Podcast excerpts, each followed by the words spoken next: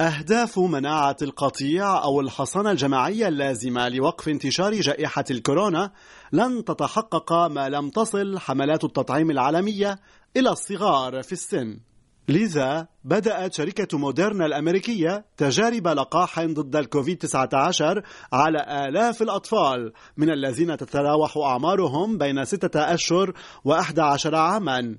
وتخطط شركة التكنولوجيا الحيوية هذه إلى استقطاب 6750 طفلا ورضيعا للمشاركة في تجاربها السريرية في الولايات المتحدة الأمريكية وكندا.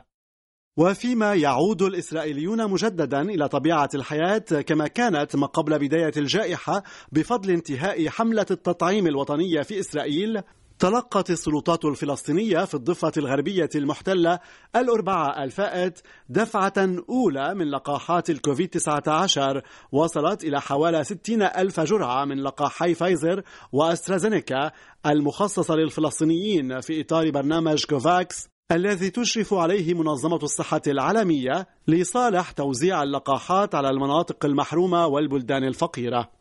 استكمالا للجزء الأول الذي طرحناه البارحة أستضيف البروفيسور جورج نمر أستاذ محاضر في كلية العلوم الصحية والحيوية في جامعة حماد بن خليفة في قطر. في الجزء الثاني لهذا اليوم هل سيتعذر البروفيسور جورج نمر الوصول إلى تحقيق مناعة القطيع في ظل حصول الطفرات المقاومة للقاحات على غرار الطفرة البريطانية المتحورة E484K مناعة القطيع وكيف فينا نوصل لهالمناعة الجماعية؟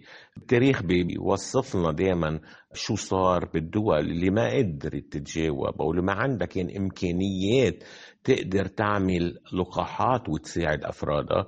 رح يكون في عندها مشاكل صحية كتير كبيرة ومن هون أهمية الناس اللي بيشتغلوا بالشأن الفيلانتروبيك اللي بيساعدوا الإنسانية اللي المفروض يكون همهم إنه يوصلوا اللقاحات للدول الفقيرة. الخوف إنه لأنه هذا الفيروس بينتشر بسرعة يصير في عنا تحورات أكثر فتكا من ال E 484 K بالدول يلي ما عم نقدر نوصل باللقاحات. أي تغيير بالفيروس رح يصير بأفريقيا مثلا رح يعمل effect even على الناس اللي تلقوا اللقاح مثلا بأمريكا. دول لازم كلها تتضامن مع بعضها خصوصا الدول الغنية تساعد الدول الفقيرة حتى يصير اللقاح متوافر لكل فرد.